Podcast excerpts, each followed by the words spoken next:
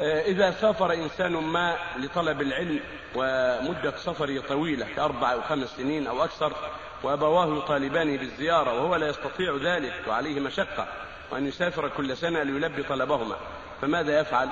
عيد آه، سافر لطلب العلم ومدة طويلة كأربع أو خمس سنين وأكثر وأبواه يطالبانه بالزيارة وهو لا يستطيع وعليه مشقة في السفر في كل سنة لتلبية طلبهما ماذا يفعل؟ يقول الله عز وجل في كتابه العظيم فاتقوا الله ما استطعتم. ويقول سبحانه لا يكلف الله نفسا إلا وسعها. فعليك أن تخاطبهما بالتي أحسن من طريق الهاتف من طريق التلفون والمكاتبة بالرسائل ويكفي هذا. تستسمحهما وتقول لا أستطيع حتى أكمل. ويكفي الهاتف إذا قدرت عليه أو الرسالة الخطية أو البرقية يكفي هذا والحمد لله. وليس عليك حرج فاتقوا الله ما استطعتم. لكن ما ينبغي لك أن تذهب إلى السافر الخارج إلى بلاد الكفرة مهما استطعت أن تعلم في بلادك البلاد الإسلامية.